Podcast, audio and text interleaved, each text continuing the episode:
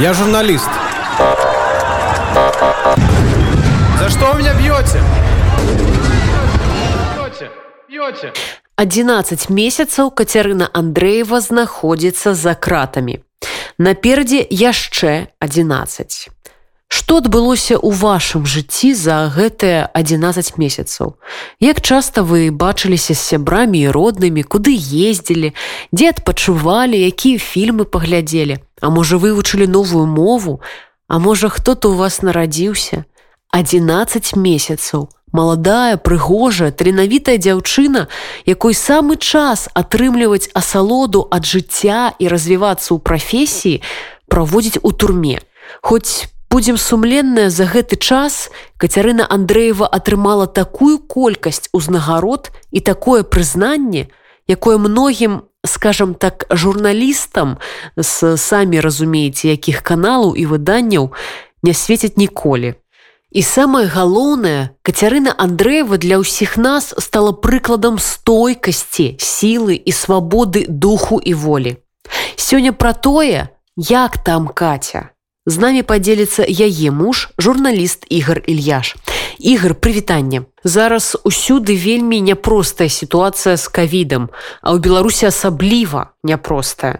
І таму пачну з таго, што запытаю, як Каця сябе адчувае, як здароўе. Слава богу, пока каких-то серьезных э, жалоб на здоровье у, у нее нет. Э, то есть, понятное дело, что 11 месяцев заключений на пользу физическому состоянию идти не могут, естественно. Но каких-то вот серьезных конкретных жалоб у нее сейчас нет. Будем надеяться, что так и останется. Она ни, ничем не заболеет, ни серьезно не ухудшит свое здоровье. А як эмоцийный фон? Э, я бы сказал, что достаточно стабильный. Нужно понимать, что вот э, на прошлой неделе прошло 11 месяцев с момента ее ареста, и, конечно, это очень трудно такой продолжительный срок находиться в разлуке с родными, находиться, в принципе, в враждебной атмосфере, а, а тюрьма – это априори э, враждебная атмосфера для человека, более враждебной сложно себе представить. Поэтому в определенном смысле это, конечно, ежедневная работа, над собой. И вот она э, об этом в том числе пишет э, в письмах, о том, что для нее сейчас самое важное – это сохранить душу от распада, не позволить вот зоне, этим правилам, этим обычаям зоны проникнуть в ее душу. В конечном итоге просто сейчас для нее главная задача – сохранить себя и не озлобиться. И вот эту задачу она, конечно, сейчас успешно выполняет. И в плане Э, своего отношения к тому, что с ней произошло, она, естественно, ничего никак не поменяла свои взгляды. Она э, уверена в правильности своего выбора, и она убеждена, она также вот об этом писала в одном из э, писем своих крайних, что э, она все, э, она сможет этот пройти путь до конца также Э, стабільна і ровна она уверена что это сможет все преодолеть А як вы подтрымліваете сувязь як ходят листы между родственниками Кати и письма перепиской достаточно стабильно э, проходит то есть даже лучше чем это было в сезона володарки или э, в жодина поэтому тут и они и быстрее ходят и име и практически не бывает чтобы какие-то письма цензура резала то есть такое случается но реже значительно реже, чем это было в условиях, например, СИЗО. Кроме того, есть э, такая опция звонок, э, в том числе звонок видео. Практически каждую неделю у нее есть возможность звонить кому-то из родных. Это обычно короткие разговоры в присутствии, естественно, э, сотрудника колонии, они очень длительностью 5-7 минут. Кому-то одному из родственников это специально прописывается у нее в заявлении, она пишет, а, она звонит, и вот можно услышать, по крайней мере, ее голос, а в отдельных случаях э, также есть, бывают э, видеозвонки через Вайбер, когда можно ее даже увидеть. Так что в плане поддержки связи с ней, я бы сказал, что в условиях колонии даже это налажено лучше, Э, больше возможностей таких, чем в условиях э, нахождения в СИЗО. Там и с перепиской бывали очень большие проблемы, когда по несколько недель ничего не приходило вообще. Ну а звонков, ну, в принципе, априори не было такой опции. Там. А ці сустракаліся вы за гэты час уживую? Еще до отправки в колонию было два свидания, после сразу э, вынесения приговора первой инстанции и после рассмотрения апелляции Это, соответственно, было в феврале и в марте на Володарке в Жодино были два у нас свидания. Они, это были очень краткие свидания через стекло продолжительностью около часа. В этом плане, опять-таки, в колонии больше возможностей. Мы уже дважды виделись в колонии, причем одно было краткосрочное свидание, которое проходило также через стекло, но оно длилось 4 часа. А в августе у нас было длительное свидание, сутки. Сутки мы находились вместе. Так что вот Надеюсь, что она получит право на новое свидание в ближайшее время. И очень, конечно, хочется ее снова увидеть. А як цяпер праходзіць звычайны дзень кацярыны у колонии? Детально вам объяснить не могу, потому что она сама не может э, все это рассказывать. Но э, речь идет о том, что это работа на фабрике. Э, сейчас э, она несколько месяцев была э, как числилась как ученица швеи, э, а сейчас уже получила, вот, по-моему, третий разряд швея, как это называется, швея-портниха. Вот. Это смена на фабрике, плюс с 1 сентября она пошла на учебу, то есть там можно получать дополнительную специальность, она получает специальность парикмахера.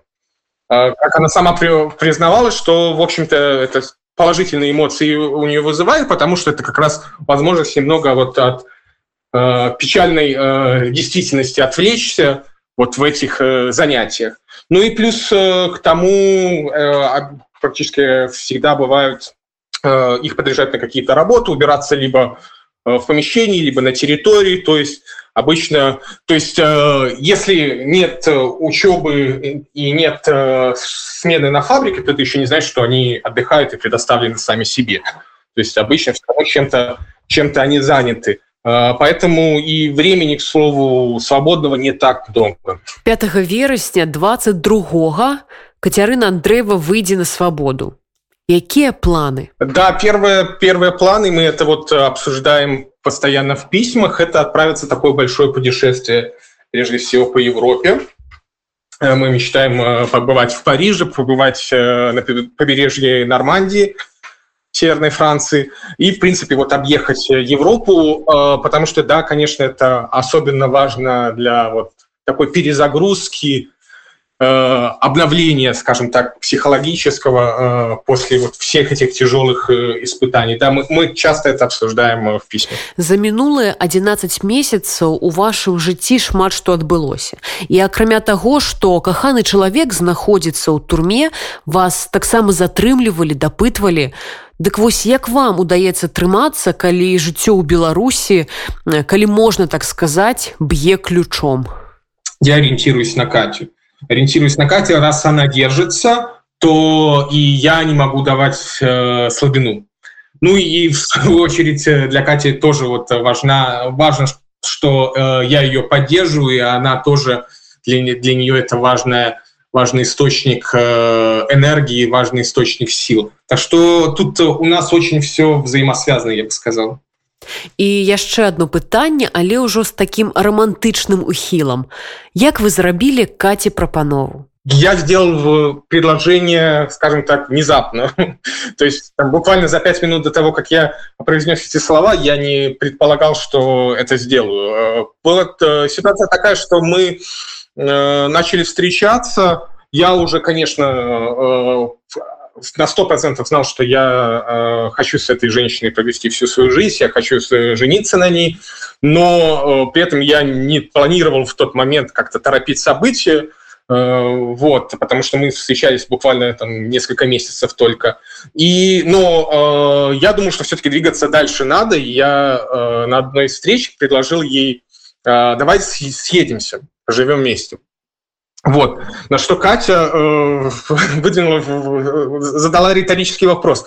А какой смысл просто съезжаться? Почему тогда не жениться?